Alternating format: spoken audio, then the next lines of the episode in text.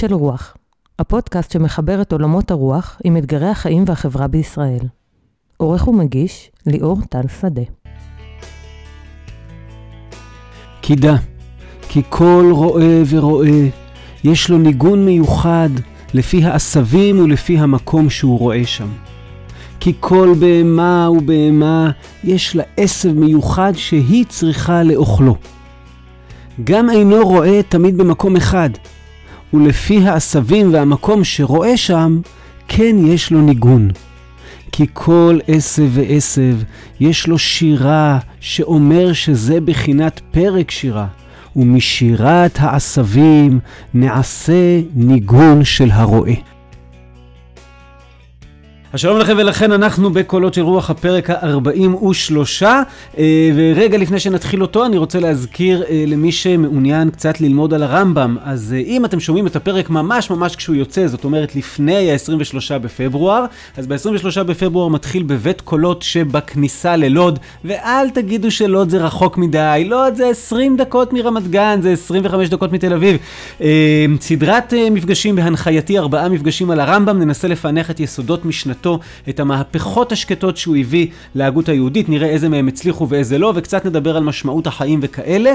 נכון שיש לזה ארבעה פרקים בפודקאסט, אבל אה, הפעם לא נעשה כל מפגש אה, שלושת רבעי שעה שאתם רק מאזינים, אלא הרעיון הוא כמובן לייצר בית מדרש ושיח וללמוד ביחד טקסטים ולדבר על הדברים לעומקם. זה יהיה בין השעות 7 ל-9, 9 וחצי בערב, ומי שרוצה או רוצה מאוד מוזמנים, כנסו לאתר קולות, יש שם את כל הפרטים ואפשר להירשם, רק בדחיפות בגלל שאו-טו-טו זה מתחיל. אז עד כאן פרסומת על הרמב"ם, ואנחנו ממשיכים בסדרה שלנו. אז אני מזכיר, אנחנו בסדרה אה, חדשה שעוסקת בהגות יהודית אקזיסטנציאליסטית, ואמרנו שנתקוף את הנושא מארבעה כיוונים, וזאת אחרי שכבר היה לנו גם פרק על קהלת בתור הפילוסוף היהודי האקזיסטנציאליסט הקדום ביותר, והיה לנו גם ניטשה, והיה לנו גם את אה, אה, ברנר כפילוסוף עברי חילוני קיומי, ועכשיו אנחנו בתוך הסדרה הזאת בעצם אמרנו שניקח ארבע זוויות. הזווית הראשונה היא הגות יהודית קיומית רבנית, ושם הלכנו על הרב סולובייצ'יק, זה היה הפרק האחרון יחד עם פרופסור משה הלינגר.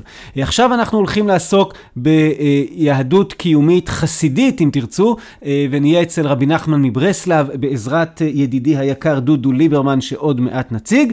אה, ואנחנו נלך בפרק שאחרי לעסוק בהגות יהודית קיומית פסיכולוגית, בעזרת ויקטור פרנקל, ותהיה לנו אורחת מיוחדת שמתמחה במשנתו ובלוגותרפיה שלו, והמפגש שיחתום את הסדרה יהיה מפגש מהאזור של ההגות היהודית קיומית ספרותית, ולקחנו את קפקא אה, בתור. הכוכב המרכזי, ובו אני לא מבין כלום, אבל האיש שנפגוש עוד פעם בפרק ההוא יהיה דודו ליברמן, שמבין בו הרבה מאוד. וזאת בעצם הסדרה, וכרגע אנחנו בפרק על רבי נחמן מברסלב, אומרים שלום לדודו, שלום דודו. שלום, שלום. אז מי שזוכר או לא זוכר, דודו כבר התארח אצלנו בפרק על רבי נחמן, כאשר עסקנו במושג התשובה לפי רבי נחמן, בסדרה שהייתה על תשובה וסליחה ושינוי פנימי וכן הלאה. מוזמנים מי שרוצה, רוצה לחזור לפרק ההוא, שאני חושב היה נהדר. אה, ועכשיו אנחנו אה, הולכים לדבר על אותו רבי נחמן, רק מזווית אחרת, וזה ההגות האקזיסטנציאליטית של רבי נחמן. נגיד שדודו היה אה, המנכ"ל של בית מדרש אלול, היה, הוא גר בשילה, הוא חלק... מנשמתה של קולות ומנחה פה, אני חושב, 20 שנה כבר, אה, אם אני, נכון? כן, 20 שנה אה, מנחה בקולות ועושה עוד הרבה דברים נהדרים, אה, ותלמיד חכם עצום, ואני יכול להחמיא לו עוד הרבה, אבל לא אומרים רוב שבחו של אדם בפניו, והוא ממש עכשיו יושב בפניי, ככה אנחנו אחד מול השני. אני יוצא מהחדר כדי שתוכל להמשיך. או, בסדר, אז אחרי זה אולי אני אקליט עוד כמה תשבחות על דודו, אבל עכשיו אנחנו נדבר על רבי נחמן. אז אולי כמה הערות ראשוניות לפני שנכנסים לשיחה. כשאנחנו מדברים על אקזיסטנציאליזם, אה, יש כמה מושגי מפתח שנמצאים שם. חלק מהמושגים האלה הם אה, העולם כאבסורד, העולם כפרדוקס, אה, האותנטיות, הבחירה, האחריות, הקיום שקודם למהות. אלה מין מושגי מפתח בתוך העולם הקיומי שקצת נגענו בהם בפרק שעבר ונגענו הרבה בפרק שעסק בברנר. אנחנו הולכים לחזור למושגים האלה, אבל מהזווית המיוחדת של רבי נחמן, שלכל אחד מהמונחים האלה נותן לנו אה, זווית אחרת קצת ממה שאנחנו רגילים. הוא כמובן לא השתמש במונחים האלה, ובכלל רבי נחמן חי לפני שמישהו חשב להגדיר הגות כלשהי כהגות אקזיסטנציאליסטית, אבל אפשר, אני חושב, לראות חזק אצלו את היסודות הללו. אה, אני אגיד שהרבה מאוד הוגים קיומיים אה, בעצם כותבים באמצעות סיפורים, או לכל הפחות כותבים גם באמצעות סיפורים. ודאי כל השמות הידועים, ברנר וקאמי וסרטר ואני יודע, דוסטויבסקי, וכן, יש לנו שורה של כאלו שכאשר אתה מדבר על...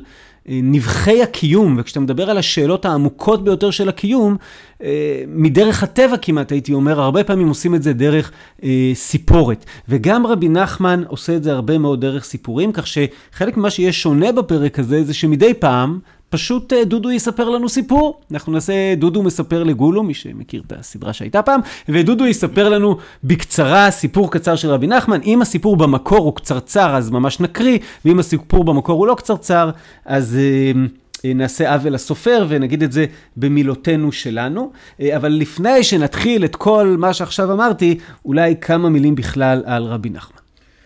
כן, אה, רבי נחמן אה, נולד ב-1772 ונפטר ב-1810, כלומר בגיל 38 בלבד, משחפת.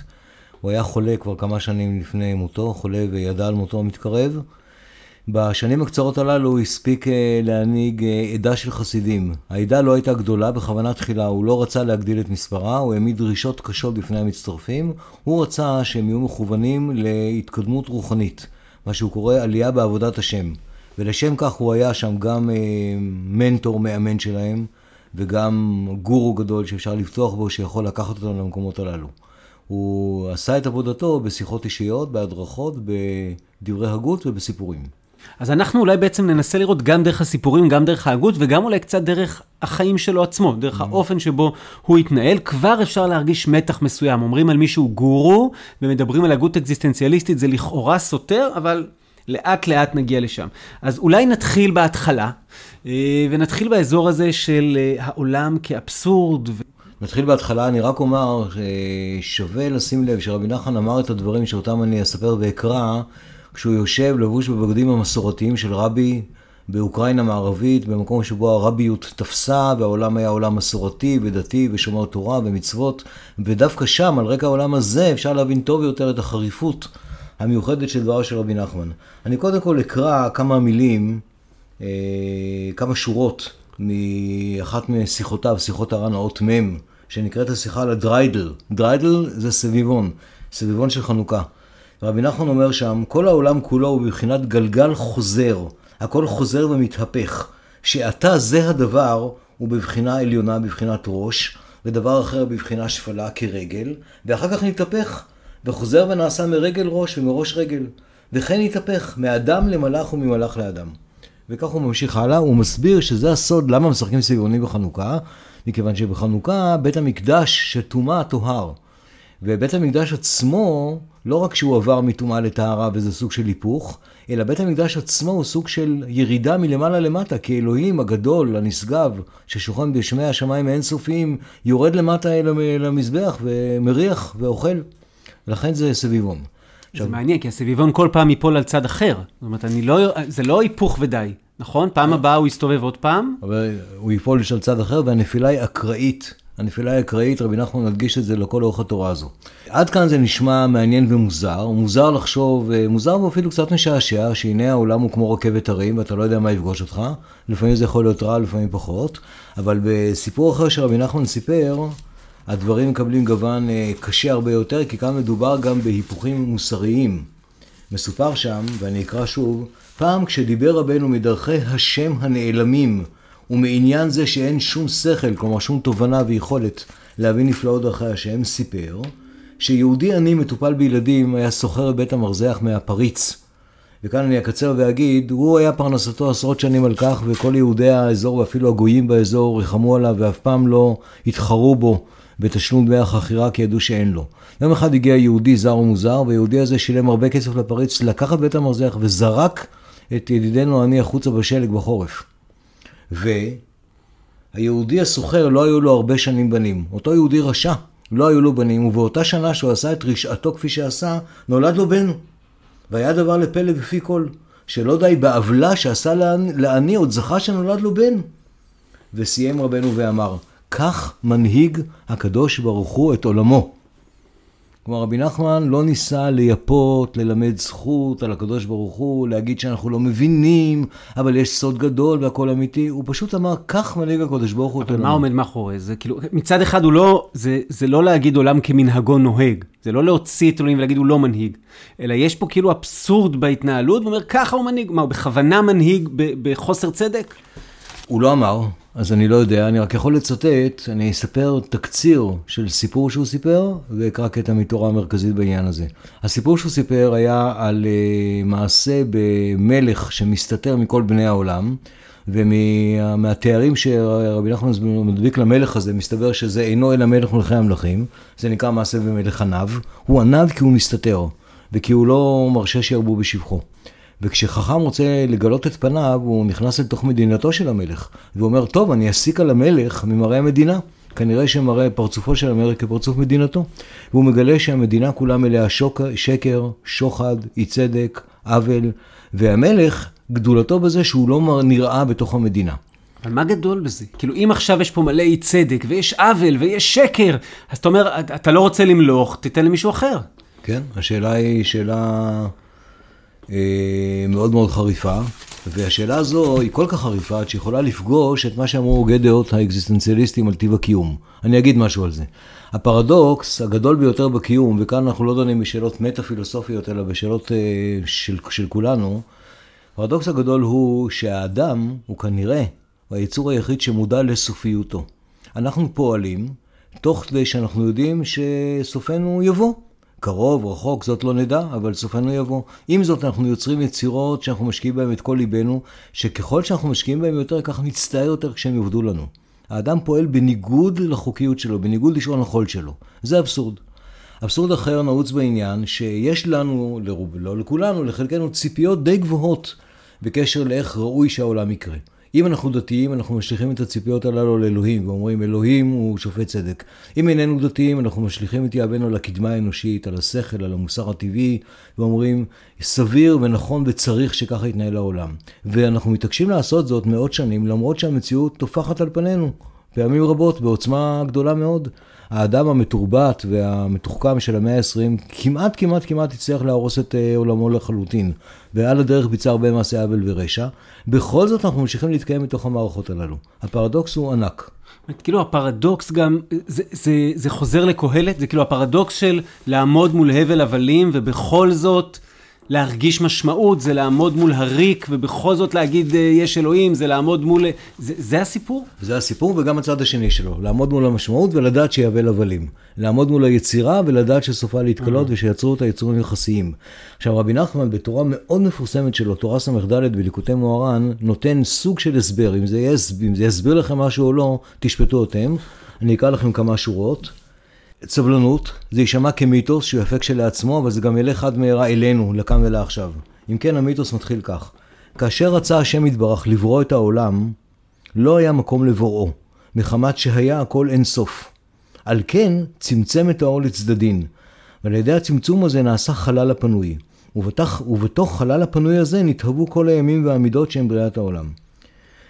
שזה אז, עוד uh, קדום לרבי נחמן, נכון? ש... הוא בעצם מצטט פה את ה... כן, רבי נחמן כאן, נכון, הוא מצטט, מתקצר מה שנאמר בעץ החיים של תלמידיו של הארי הקדוש על אה, בריאת העולמות. מה שהקבלה כאן מנסה לומר, שהקבלה בעצם שואלת את השאלה הבסיסית, אם הכל אלוהים, כפי שהקבלה טוענת, ולא כולם טוענים כך, איך נברא העולם?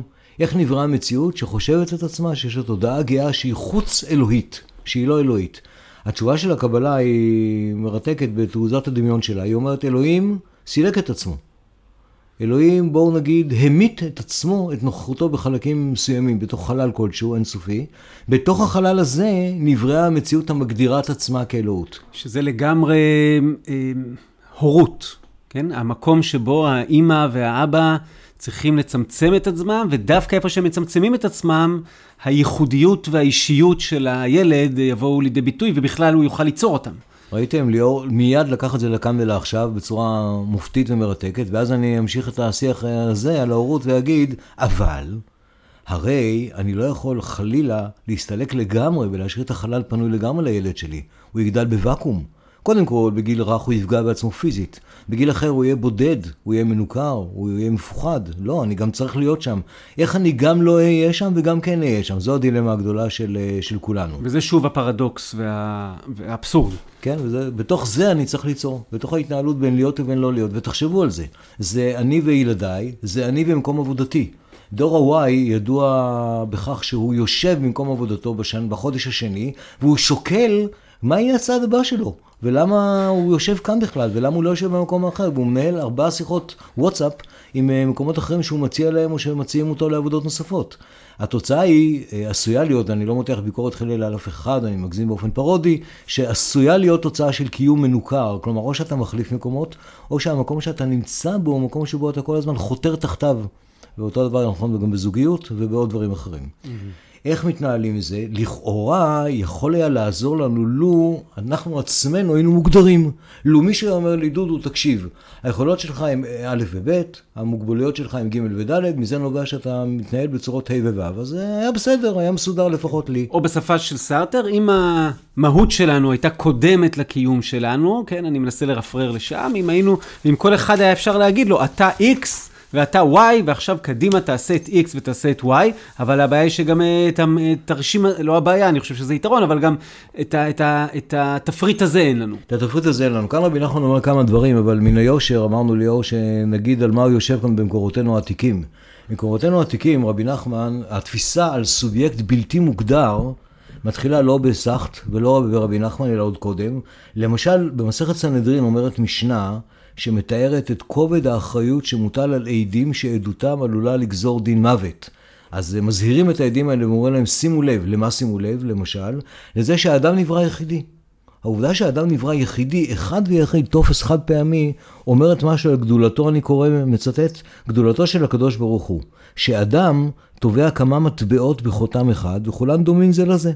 ומלך מלכי המלכים, הקדוש ברוך הוא, טבע כל אדם בחותם אחד, חותמו של אדם הראשון, ואין אחד מהם דומה לחברו. זאת אומרת, אדם נברא יחידי, רגע, אנחנו חוזרים לבריאת העולם, יכולנו לדמיין כל מיני סיפורים של בריאת העולם, והבריאה היא בריאה של אדם אחד, בין אם זה זכר ונקבה בטייק 1, ובין אם זה אה, זכר ואחרי זה מצלעו אה, בטייק 2, אבל עדיין הסיפור של הבריאה אלוהים לא בורא מאה אלף איש, הוא גם לא בורא שלושה עמים, הוא בורא אדם אחד. והמרתק הוא שזה נמשך עד עכשיו, עד 2020. תחשבו, כמה כבר אביזרים יש בה לקדוש ברוך הוא, בפניו של האדם יש שבעה שמונה איברים.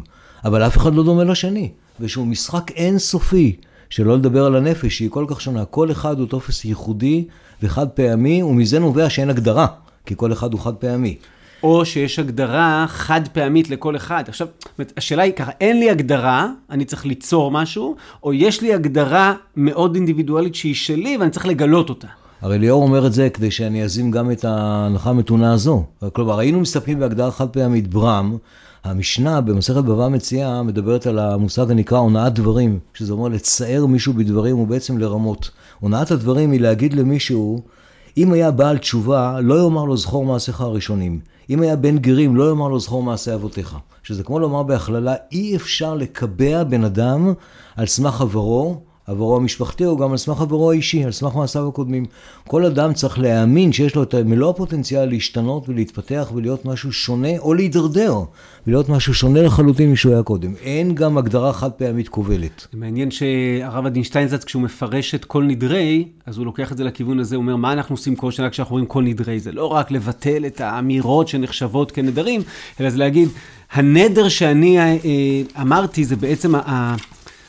הריבוע הזה שבו קבלתי את עצמי, המגבלות ששמתי על עצמי, המסגרות ששמתי על עצמי, ובכל שנה אני צריך לבטל אותה מחדש, וצריך להגיד את זה בקהילה, כדי שכולנו נבטל את זה אצל כולנו, וחלק מהסיפור הוא להפסיק לראות אדם במשבצת מסוימת. אז מצד אחד זה נפלא, זה מקסים, אדם יכול להשתנות כל עת, אבל מצד שני... ואנחנו נשאיר לכם לרגע, אני אביא עוד כמה קטעים שמרבים בשבחה של ההשתנות, ובואו תחשבו לרגע על הצד השני של המטבע, לפני שנאמר אותו גם במפורש שנינו. אז הנה אני קורא רגע אחד.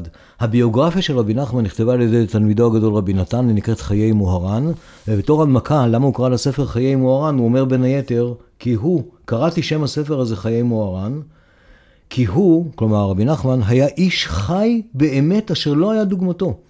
הוא חי תמיד חיים אמיתיים, ובכל פעם חי חיים חדשים.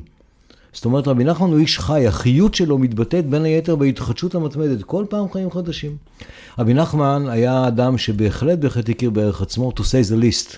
ואני אקרא, אני אספר לכם, אזכיר לכם שני דברים שהוא אמר על עצמו. אמר על עצמו, חידוש כמוני, או בלשון הכתוב, חידוש כמוני עדיין לא היה מעולם. ושוב אמר על עצמו, שהוא נהר המתאר מכל הכתמים. אז זה, הקטעים האלה עוצרים, עשויים לקומם מאוד מאוד, הם גם עוצרים נשימה בתעוזה שבהם, אבל שימו לב למוטיב, המוטיב הוא התחדשות, נהר. אדם לא נכנס לאותו נהר פעמיים, אמר הרקליטוס, אני עצמי נהר, אני עצמי משתנה כל העת. זה נורא מעניין אם הוא אומר את זה על עצמו כשונה משאר בני אדם, או הוא היה אומר את זה על כל אחד. כל אדם הוא חידוש שכמותו לא היה. כל אדם הוא בסוף נהר. טוב, אה, אוקיי. לא יודע, יפה. לא, אלי, אני לא יודע. כן, כן, רק... אני גם לא יודע. מקווה. אה, עכשיו, אה, אני, אני מקווה שאתם מתחילים לשים לב לבעיה. הבעיה קשורה בזה שאם אני כל פעם מישהו חדש, אני יכול, עכשיו שנולדתי כמישהו חדש, אני יכול להתנכר לדודו של אתמול. הצ'ק הזה שחתמתי עליו לא רלוונטי, זה דודו של אתמול חתם עליו. יחסי חלילה המשפחה שלי, מה לי ולהם? העבודה שלי ודאי שלא מעניינת אותי. הפודקאסט הזה שאני יושב באמצעו, אקום עכשיו, באמצע ואלך, כי התחדשתי, כרגע אין לי צורך בו. מה, מה יהיה העוגן, מה תהיה המשקולת, מה יחזיק את האדם? השאלה היא גם תפקודית וגם שאלה מעשית, האם רצוי שיהיה עוגן, רצוי שתהיה משקולת? מה, מה, מה בין ההמשכיות לבין ההתחדשות? בתור דוגמה מעניינת לזה, אני אצטט לכם רגע שתי שורות משירו של דוד שמעוני, בשנות ה-20 של המאה ה-20, שאמר, אל תשמע בני למוסר אב ולתורת אם על אוזן ט', כי מוסר אב הוא קו לקו ותורת אם מצו לצו. דוד שמעוני אמר את שיר המרד הרציני הזה בתקופה שאכן מרדה כמו שצריך. עם זאת, הוא ביטא דבריו בעברית ובעברית משובחת, תוך שעושה פרפרזה על הפסוק שמע בני מוסר אביך ואל תיטוש תורת אמך. ועל קו לקו ב... בישעיהו. אז מה יש לנו כאן, מרד או התחדשות או, התחדשות, או שניהם גם יחד? מקסים. אה, אוקיי. Okay. מכל מקום, אנחנו עכשיו במקום הזה. כלומר, אנחנו, בואו נראה לאן הגענו. הגענו למקום באמת לא פשוט, לסוג של כף קלע, או לסוג של ציפה בוואקום. כי אין לעולם מלך ומנחה שיאמר לו בכל רגע נתון מה לעשות, מה נכון, מה צודק. אין לו את האמיתות הקלאסיות, לא של היהדות ולא של אירופה של המאה ה-19. אין לו לעולם, אין לו לאדם את uh, הקווים המנחים שלו, את הגדרת תפקידו, את הגדרת מקומו במשחק. לא זה ולא זה ולא זה. מה הוא כן יכול לעשות, אם כן? הדבר הראשון, וכאן רבי נחמן אומר דברים דומים לאלה שלאור הזכיר בתחילה, לניטשה, לסאכט ולקירקגור, שהיה כמו אקזיסטנציאליסט דתי. קודם כל, ובראש ובראשונה, אותנטיות. אבל שהוא לא יגיד אותנטיות, המילה לא קיימת. אנחנו קוראים למה שהוא אמר אותנטיות, נכון? נכון, הוא לא יגיד אותנטיות, הוא יחפש את האמת שלו. ולפני שאקרא משהו מדבריו של רבי נחמן על כך, אקרא משהו מדבריו של סרן קירקגור. דברים שהוא כתב ביומנו ב-1835, ונכתבים ממש, נחשבים למניפסט של המחשבה הקיומית.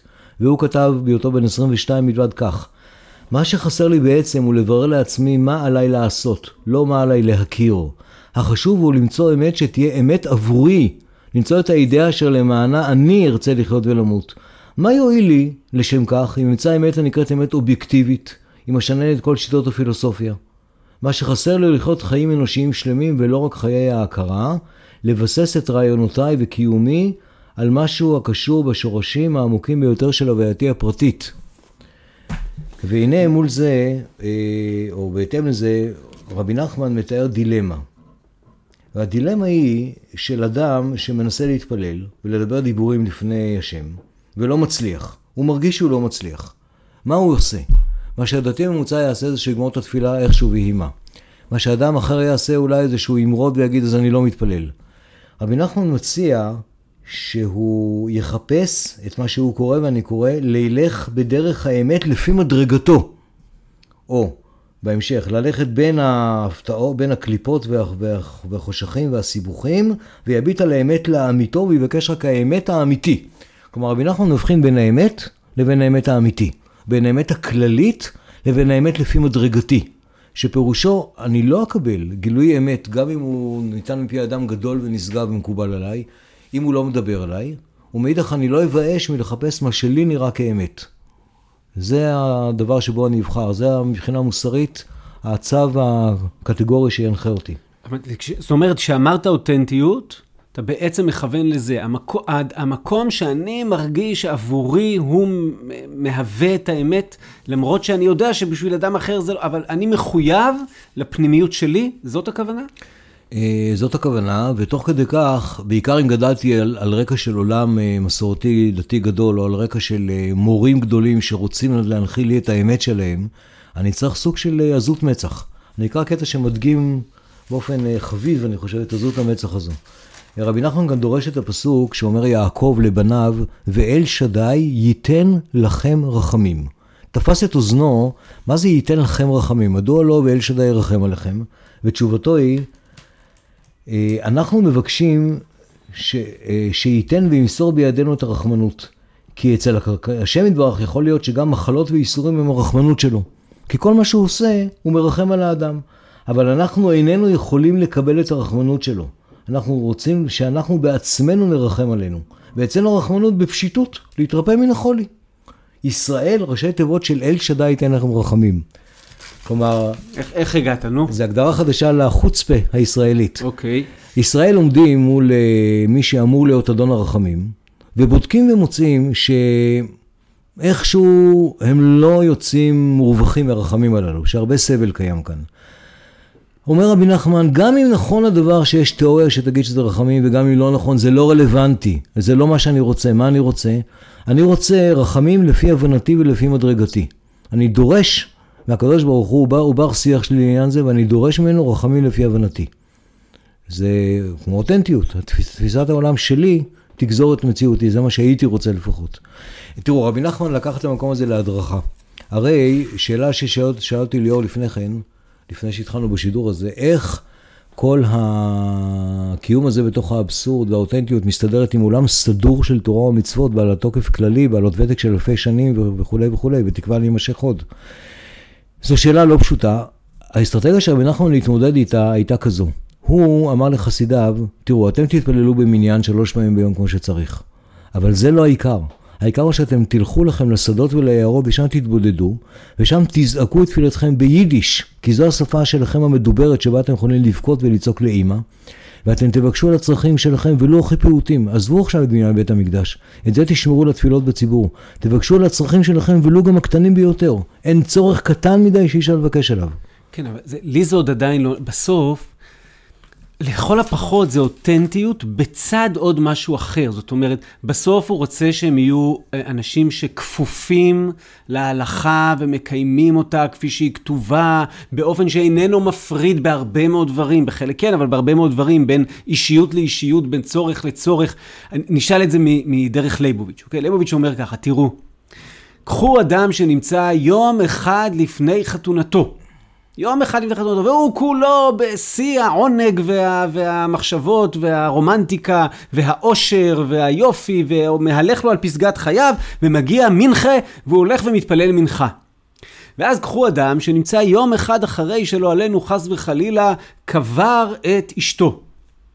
והגיע מנחה, והוא אומר בדיוק את אותן מילים, מילה במילה, שהוא אמר יום לפני חתונתו, או במילים אחרות, יש משהו באורתודוקסיה הזאת ש...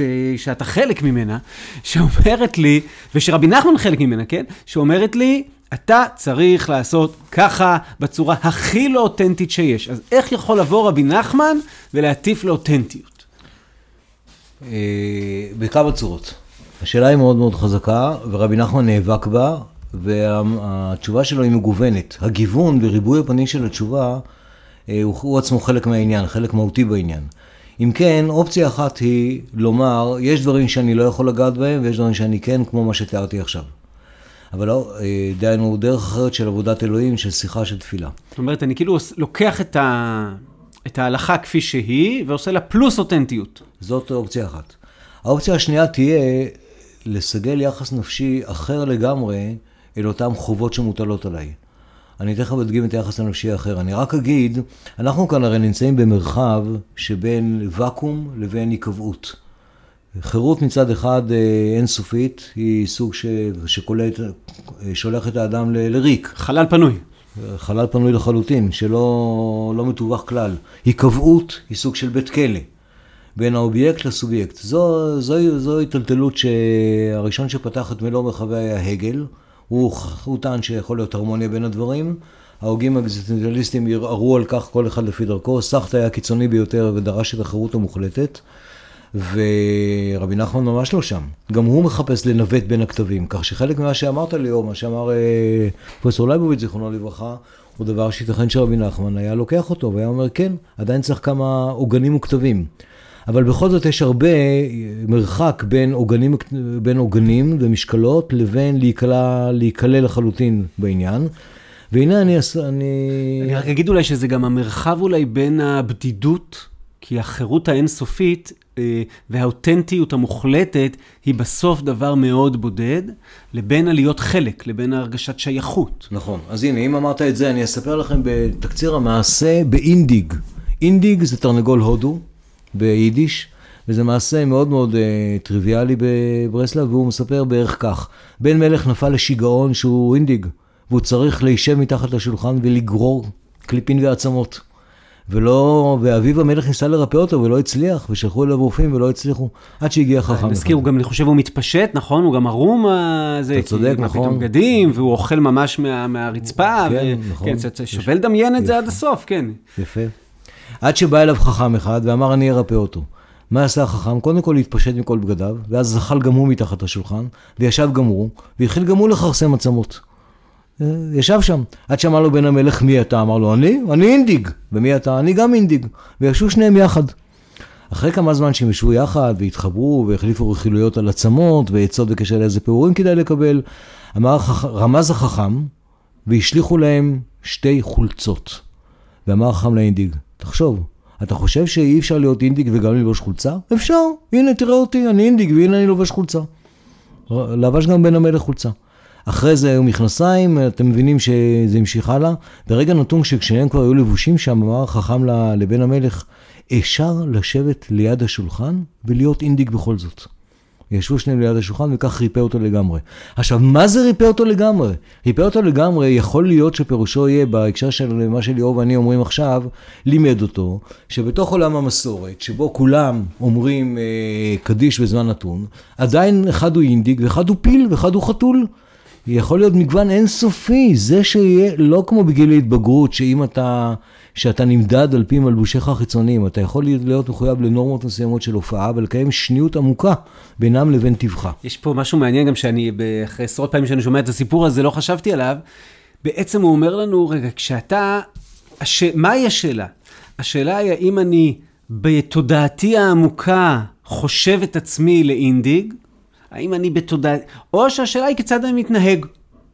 נכון. והאקזיסטנציאליסטים תמיד אמרו, בוא, אנחנו נתעסק בכיצד בן אדם מתנהג, השאלה מה הוא חושב היא, היא שאלה מעניינת, אבל אה, יש בה הרבה כחש עצמי לפעמים, הרבה... בסוף השאלה היא איך אתה מתנהג. וזה מעניין, הוא, הוא טיפל בהתנהגות שלו, הוא לא שינה לו את המחשבה, לפחות בשלבים האלה.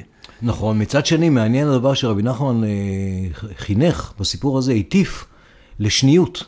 סך למשל, דרש, אה, בא בטענות קשות מאוד אל המלצר, שהוא מנסה להרגיש את עצמו כמו, להתנהג כמו מלצר, אבל בתוך תוכו הוא לא מלצר. סך אמר, אתה מרמה. אתה לא מלצר, אתה בן בן אנוש, אל תתנהג כמלצר. או, תהיה מלצר ממש כמו שכסת הדיו היא כסת דיו. אם אתה לא זה ולא זה, אתה חי בסוג של הונאה עצמית. רבי נחמן אומר, כן, אני חי בהונאה עצמית, כי זהו מהות הקיום. ואני אספר לכם עוד סיפור על חובה. ש... זאת אומרת, האותנטיות היא הונאה עצמית. האותנטיות מתרגמת לקיום כפול פנים. מעניין. אוקיי, עוד סיפור, פנים. כן. עוד סיפור בעניין של כפול פנים בעניין של חובה. מעשה במלך שרצה לקשט את ארמונו, והזמין שני ציירים שיציירו לו את ארמונו בציורים נפלאים, וחילק את העבודה. אחד קיבל שני קירות והשני קיבל שני קירות. הצייר האחד עבד קשה, טרח, קנה חומרים יקרים, למד, שיפר את אמנות הציור שלו, עד שהוא הגיע לשלמות, ואז הוא צייר ציורים נפלאים. והצייר השני, אתם יודעים, בזבז את הכסף, בזבז את הזמן, מרח, קיווה, דחה מיום ליום, עד שהגיע לילה אחד לפני, לפני הדדליין, ואיזה מלך, אולי זה יהיה באמת דד. לא הייתה לו לצייר השני ברירה, הוא הלך וקנה לקה משקפת, מרח את כל חלקו בלקה שחורה, ופרס וילון, מסך. ואז מגיע היום הגדול, המלך וכל הפמליה באו לבדוק את המוצר המוגמר, וראו את אה, ציורו של הצייר הראשון ונהנו מאוד, ואז פנו לצייר השני ואמרו לו, מה איתך? הצייר השני הסיט את הפרגוד, וראו זה פלא, כל מה שצויר בקירות הראשונים צויר גם אצלו. עכשיו, הסיפור העממי, רבי נחמן כאן התלבש על סיפור עממי. זה, זה מראה בעצם, כן? רק לתווך למי שלא כן, עקב, כן. פשוט נורא. בסיפור העממי שרבי נחמן אה, התלבש עליו אה, ושינה אותו לצורכו, נאמר שהמלך לקח ארנק מלא זהב, שם אותו ליד הקיר של הצייר הראשון החרוץ, ואמר לשני, קח את ההשתקפות, זה מה שהרווחת. אבל בציור של רבי נחמן, בסיפור של רבי נחמן זה נגמר אחרת לגמרי. ראה המלך והוטב בעיניו הדבר מאוד. למה הוטב הדבר מאוד, בעיניו מאוד? אומרים הפרשנים של רבי נחמן, כי הצייר השני הוא רובנו. כמה מאיתנו הם כמו הצייר הראשון? כמה מאיתנו מיום הראשון לחייהם או לבגרותם עשו את שלהם בחריצות ובעמל ויצרו ופיתחו ושכללו? זה נפלא שיש אנשים כאלה, רובנו לא כאלה. מה יעשה אדם שאינו כזה? אין לו ברירה לאדם שאינו כזה, כך אומר רבי נחמן, אתם לא חייבים להסכים, אלא לעשות מה שהוא יכול. ולעשות מה שהוא יכול זה לתרום את חלקו שלו. חלקו שלו זה מעשה הקונדס השובב הזה, שכולם מבינים שהוא מעשה קונדס, אבל בסופו של דבר, מי יחלוק על זה שזה מוסיף לעולם יופי ואושר וצבעים אחרים. ויש פה גם את זה שבעצם הוא, אתה, אתה אמרת לי את זה קודם אולי, הוא זורם עם האבסורד. זאת אומרת, אה, הוא מחבק את הדבר הזה, הוא מחבק את זה ש... כן, כאן, הייתי אומר שכאן הוא כמעט כמעט נרמס מתחת לאבסורד, אבל ברגע האחרון הוא ניצל. כן. המחבק את האבסורד, יש לנו זמן לעוד סיפור, ליאור? יאללה. המחבק את האבסורד יקרא, יימצא במעשה מביטחון. Uh, המעשה מספר באדם אחד, במלך אחד, שהיה, שהיה מודע, היה טרוד, היה מלך רציני ואחראי וחרוץ, ובמעט הזמן שהיה לו, הוא היה מוטרד בשאלה האם הוא מאושר. הוא לא ידע להגיד אם הוא מאושר. אבל הוא ידע שהוא יוכל להסיק על אה, כך שהוא מאושר דרך דוגמאות. היינו, הוא יבדוק ויראה את יתר אנשי הממלכה, ויראה מה מצבם. הוא בדק, ולשביעות רצונו המלאה מצא שכולם אומללים. מכאן, ש... מכאן שכנראה הוא מאושר. ואז הוא מצא מציאה שקלקלה לו את ההיסק הזה, הוא ראה בית עני ומרוד, ושם יושב איש אחד בבגדים מרופטים, אוכל, שותה יין, מנגן בכינור, ומאושר לגמרי לגמרי. אני לא, לא אתאר את כל המהלך, המלך מתיידד איתו, הוא מגלה שהאיש הזה עושה כל פעם עבודה אחרת, מפסיק את העבודה כשיש לו חמישה זהובים, ועושה את מסיבתו, כל יום ויום. והמלך נשבע לקלקל לו את הדבר הזה, מכיוון שהמודל הזה שמוצב כאן מאיים לגמרי על, אה, עליו ועל קיומו, שם אותו ללעג ולקלס. אה, המלך חוסר עליו פרנסה אחרי פרנסה אחרי פרנסה, והאיש הזה, שרבי נחמן קורא לו בעל הביטחון, לעולם, לעולם איננו מתייאש. עד שבסופו של דבר אה, הוא מוצא פתרון נצחי. הוא מזכיר את עצמו להיות חייל בצבא המלך, אבל יומי. הוא יקבל כסף כל יום. כששמע המלך את זה, אסר על אה, שכר יומי.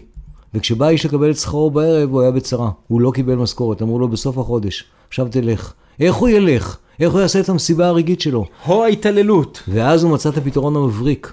הוא הלך, לקח את החרב, שבר את כת הברזל שלה, משכן אותה, התקין במקומה כת עץ שהייתה נראית אותו דבר, והרוויח דמי משכון.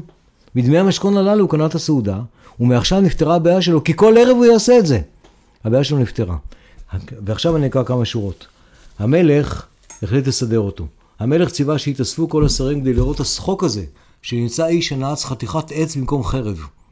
והוא בא לפני המלך ויפול אל רגליו ושאל לו, אדוני המלך, על מה נקראתי? אמר לו כדי לחתוך ראשו של חייב מיתה. המלך אה, מצא לעצמו אדם חייב מיתה, והאיש הנחמד שרק רצה לעשות אה, טוב לעצמו ולא לפגוע באף, בזבוב לרע, ייאלץ עוד רגע להרוג מישהו, וכמובן שהוא לא יצליח כי חרבו היא עץ, בכל מקרה הוא שם ללעג ולקלס. מה עשה האיש? פנה אל השם יתברך ואמר, צריך להגיד בקול רם, אל שדי, אני לא שפכתי דם מעולם. אם זה האיש איננו חייב מיתה, חרב הברזל שלי תהפוך לעץ. וחטף החרב ושלפה מתארה, וראו כולם שהוא עץ, ונעשה שם שחוק גדול. ראה המלך שהוא איש נאה כזה, ופטרו לשלום. עד כאן הסיפור. אז האיש לכד את המלך בקורי האינטריגות שלו, אבל אם נאמר משהו על, אה, משמעותי על הדבר, מה פתאום רבי נחמן הופך את התפילה לשעשוע וללעג ולקלס ולמניפולציה? צריך לומר בערך כך. האיש הזה של רבי נחמן, רבי נחמן עצמו מסתכל על הקיום. הקיום שלנו הוא פרדוקסלי. הוא לוקח אותנו, אנשים שרוצים להיות פשוטים ורוצים לעשות טוב להם ולסביבתם הקרובה, הוא מטיל אותם אחד כנגד השני למלחמות, לעימותים, למאבקים, לקונפליקטים. כוחות עריצים שאין לנו שליטה עליהם עושים את זאת לעצמנו, מה אנחנו נעשה? בתוך הסבך הזה אומר האיש לריבון העולמים, תראה איזה מין עולם בראת. תאפשר לברזל שלי להיות עץ. תאפשר לי לא להרוג, לא לקטול, תאפשר לי לחיות את חיי שלי בלי יכולת לפגוע באחרים, ותאפשר לאחרים לחיות את חייהם שלהם בלי יכולת לפגוע בי. זה מעניין, יש משמעות לזה שבכל הסיפורים האלה הוא בעצם אה, משבח נוכלים, בעלי חשיבה מניפולטיבית, שעושים צחוק מהמשימה? יש, כי הרי כדי לחדד את זה, אני אגיד, הלוא הדמות שכנגד היא אלבר קאמי, יותר נכון סיזיפוס של אלבר קאמי. סיזיפוס כידוע אה, חי את הקיום האבסורדי שהאלים גזרו עליו, הוא בלי להתווכח עם המשימה, כי אי אפשר להתווכח איתם, הם מילים יווניים, הם לא אל יהודי. אז הוא כל פעם יורד מחדש ולוקח את הסלע שלו ודוחף אותו. וכשהוא מיישר את גבו ומסתכל על ההר ומרים את הסלע מחדש, זה הרגע הגדול שלו, שבו הוא מאשר את קיומו מחדש. אבל זה, זה מאוד מרשים, זה מאוד הירואי, מאוד טרגי ורציני עד מוות. גיבוריו של רבי נחמן אומרים, רגע, הקיום הוא כנראה הדבר הזה החמקמק. האבסורד הזה הוא הקיום. בואו נחיה איתו, בואו לא נתקומם עליו כל פעם מחדש, לא נצא להפגנה מתמדת, אלא נחיה אותו, כי יש כאן משהו עמוק ומורכב שאנחנו לא מבינים אותו, אבל אנחנו כן יכולים לחיות איתו ואותו, וככה נעשה. אני, אפשר להרגיש, תראי, בעצם דיברנו עד עכשיו על אותנטיות, ובתוכה על המושג הבחירה, שהוא, אה, אין אותנטיות אה, אה, ללא בחירה, אבל אפשר להרגיש בדברים שאתה אומר עכשיו איזה סוג של... בריחה מאחריות כזאת, כאילו אני מנער מעליי את האחריות. אומרת, יש אבסורד בעולם, יש פרדוקסים בעולם, העסק לא קוהרנטי, העסק פועל, ואני זורם עם הסיפור הזה, ולכן אני יכול להיות נוכל, ולכן אני יכול לסובב את העניינים. יש, כאילו, אפשר לראות את זה אולי כלקיחת אחריות בדרך אה, מוזרה, אבל אה, איפה המושג הזה של אחריות, שאנחנו יודעים שאצל ההוגים שאמרנו קודם, בטח אצל סארטר, הכל מוביל למושג האחריות, איפה זה אצלו? אני אתחיל ואומר משהו שאני לא מתכוון אליו, זה יהיה נחמד לומר זאת, זה אצלו במקום נמוך ביותר. בעל הביטחון ועוד אה, נוכלים דומים לו, הצייר ועוד אחרים שלא הספקתי לנקוב בשמם, הם אה, תופסים את מהות הקיום האבסורדי, הם תופסים את אלוהים כמהותו של הקיום האבסורדי. כשבעל הביטחון אומר פעם אחרי פעם בסיפור, וירא בעיניו שהמלך צמצם את פרנסתו באופן זה או אחר, אך בטח באדוני והלך וניקה דירים, והלך וביכה עצים. מה זה אומר? זה אומר שעבורו לפתוח באדוני פירושו לפתוח בטיבה של המציאות, שהיא, שהיא פתוחה לאין סוף אפשרויות, שהיא חומר גלם לעיצוב, שהיא מה שנעשה ממנה. מבחינה מסוימת זו גישה מאוד דתית, ומבחינה אחרת זו גישה מאוד חילונית. אתה כאילו משיב למה שאני אומר ולהגיד, האלוהים הזה זה המציאות, זה שוב פנתאיזם כזה, ואלוהים זה המציאות? אה, אם כבר, זה מה שנקרא פן-אנתאיזם. האלוהים הוא בתוך, הוא, המציאות היא בתוך אלוהים. והנה אני אקרא את אה, שיחות הר"ן ב', טוב מאוד להשליך את עצמו על השם יתברך ולסמוך עליו. ודרכי, כך אומר רבי נחמן על עצמו, כשבא היום, כשמתחיל בוקר, אני מוסר כל התנועות שלי וכל בניי והתלויים בי על השם יתברך, שיהיה הכל ברצונו יתברך, וזה טוב מאוד. זה לא אני זה הוא, כאילו, זה כל מה שאנחנו אומרים נגד דוסים, בסדר? כן, זה... גם אזי אין צריך לדאוג ולחשוב בכלל אם מתנהג כראוי עליו, כי סומך עליו השם יתברך. אה, זה הוא כותב, אני לא צריך לדאוג... כך הוא כותב. עכשיו, הדברים האלה עומדים בסתירה ל... לא רק לכל שכל ישר ותנועה מוסרית של כל אחד מהשומעות והשומעים, אלא גם לדברים שרבי נחמן עצמו אמר. מכיוון שהוא דקדק במעשיו ביותר ויותר, ודקדק במעשיו של אה, חסידיו, ומכיוון שהוא כבר אמר, כך מנהל הקדוש ברוך הוא את עולמו. אז מה זאת אומרת, אני סומך על השם יתברך? הרי השם יתברך הוא זה שכך מנהל את עולמו, כמו שהזכרנו לפני כמה דקות. אז על מה, על מה מדובר? להערכתי, המדובר הוא, אבל במקום לומר, אני אספר עוד סיפור אחד, ואז אני אומר. יאללה. הסיפור... אחרון, קצר. אחר, אחרון, כן. אחרון, והוא התקשר למאבקי קיום שכולנו נמצאים בתוכם, או חלקנו נמצאים בתוכם. הסיפור הוא על אה, עני אחד שהגיע לבית כנסת של העיירה, ואחרי התפילה כמקובל ניגש אל השמש שיפנה אותו לגביר אה, מכניס אורחים, והשמש הפנה אותו לסוף העיירה, לבית הגדול שנמצא שם. הלך לשם העני, הצרה הייתה, היו שם שני בתים, הוא דפק בדלת הלא נכונה, שם גר הקמצן. הוא דפק בדלתו של הקמצן ואמר, אמרו לי שכאן נוכל לקבל לאכול. הקמצן היה גם אה, חכם, והוא אמר, אה, ודאי, ודאי, אבל אתה יודע, צריך לעבוד, אין ארוחת חינם. אמר, אני בסדר, אני מוכן. נתן לו לעבוד, עבד קשה שעה ושעתיים. כשגמר את עבודתו, אמר לקמצן, התייצב לפני הקמצן שוב ואמר, סיימתי. אמר הקמצן, אה, אוקיי, אתה רואה את הבית שמולי, תדפוק שם בדלת ושם ייתנו לך לאכול. אני לא הבין עניין, הוא דפק בדלת, ומצא שם את האיש מכניס האורחים, והאיש אמר לו, בוודאי, בוודאי, בוא תאכל. הוא אכל, והאיש מכניס האורחים עמד לידו ושירת אותו. באיזשהו רגע נאנח העני. אמר לו בעל הבית, למה אתה נאנח? אמר לו, אתה לא יודע כמה קשה עבדתי בשביל האוכל הזה. הבין הגביר המכניס האורחים את כל הסיפור, טפח לעני על כתפו ואמר לו, תקשיב, בחינם עבדת ובחינם אתה אוכל. רבי נחמן יש לו כאן משנה כלכלית, בעצם כלכלית חברתית. הוא מנתק את הקשר בין העמל והחריצות לבין הפרנסה. הוא לא אומר שאדם לא צריך לעמול ולהיות פרזיט, ממש לא. הוא גם לא אומר שאדם תמיד ירוויח, ממש לא. הוא אומר אין קשר הכרחי.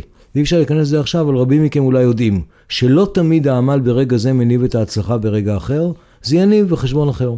מכל מקום, מה שרבי נחמן בא לומר כאן, זה, ובתורותיו הקודמות על אה, חוסר אחריות, זה לא בא לומר משהו על זה שאדם לא צריך להיות בעל שיפוט מוסרי ולא צריך לעבוד, זה רק בא לומר שהאחריות הגדולה על כל העסק מוטלת על אלוהים. במובן זה, אה, האדם נגאל מידידותו הקיומית, בכך שהכל מוכל על ידי האלוהים.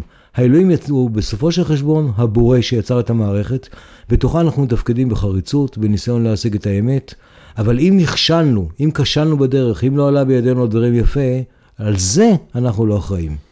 תשמע, זה... זה כל כך יפה, ואני כל כך לא מתחבר לזה, שאני לא יודע כאילו איך להתייחס, אני, אני מבין את היופי של הדבר הזה, אני חושש ממנו מאוד, ואני גם אומר, רגע, אם בסוף הכל על אלוהים, אה, אפשר גם לעשות את הצעד הבא ולהגיד, הנה אדם שהוא צינור של אלוהים, הנה אדם שדרכו האלוהים מדבר איתנו, הנה, ובאמת אצל רבי נחמן יש את הצדיק הזה, שהוא הקרוב קרוב לאלוהים, ובסוף מתפתחת לה גם חסידות שבה אני מציית לרבה, והרבה לא יכול לטעות, ואם הרבה אמר ככה אז אני חייב לעשות. עד, אה, כאילו, בסוף בסוף, לקחת את כל העניין הזה ולהטיל אותו באופן הזה, אני חושש גם... אה, יכול לגמור את סיפור האותנטיות, ויכול לגמור את סיפור הבחירה, ויכול לעבוד כבומרנג, אולי זה פרדוקס בפני עצמו. אה, קודם כל, אה, זה יכול, הפוטנציאל קיים. שנית, אם נתייחס לחסידות ברסלב בשלבים המוקדמים שלה לפחות, אני אגיד שמה שעשה רבי נחמן לקדוש ברוך הוא, עשו חסידים לרבי נחמן. וזה, לא, וזה רב פנים. רוצה לומר, רבי נחמן עבור חסידים, היה האבא והמחנך ונותן התורה שבתוכה הם חיים. במסגרת זו הם עשו דברים עצמאיים.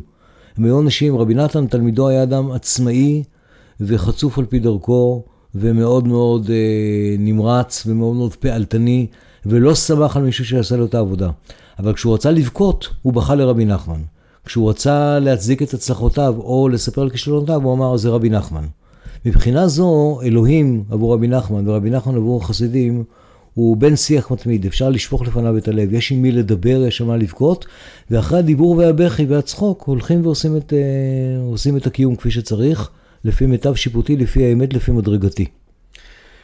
דודו יקר, תודה רבה, זה מסוג הפרקים שלעולם לא יכולתי לעשות לבד, ובטח לא ככה. אה, אז אני מודה לך מאוד מאוד, אה, זווית מרתקת ומאתגרת מאוד שמת בפנינו בתוך כל הסדרה הזאתי. תודה רבה, מעניין מה יקרה סביב קפקא בעוד שבועיים. או, זהו, אז אנחנו, אה, לא יודע אם זה עוד שבועיים, אבל בעוד שני פרקים, ואנחנו אה, נחכה במתח לראות את הצד השני הזה של קפקא, אבל באמצע אנחנו נעסוק במישהו אחר לגמרי, שזה הפסיכולוג ויקטור פרנקל. אה, ניצול השואה צריך להגיד, האיש מהאדם מחפש משמעות, ונעשה את זה בעזרת דוקטור אה, פנינית רוסו נצר, שהיא אה, מרצה וחוקרת באקדמיה ומתמחה בתחומים כמו פסיכולוגיה אקזיסטנציאליסטית ומשמעות בחיים ורוחניות והתפתחות רוחנית. היא ראש מכון מצפן לחקר ויישום משמעות בחיים, ועושה כל מיני דברים מרתקים. היא לוגותרפיסטית, שלוגותרפיה זה התורה שפרנקל פיתח. אז מי שרוצה להבין את כל המונחים האלה וללכת בעקבות האדם מחפש משמעות והרבה ספרים אחרים של פרנקל, אז זה יהיה הפרק הבא, ושוב תודה דודו ליברמן, אנחנו ניפגש שוב בקפקא כמו שאמרת. אה, עד אז, אה, היו ברוכים, להתראות.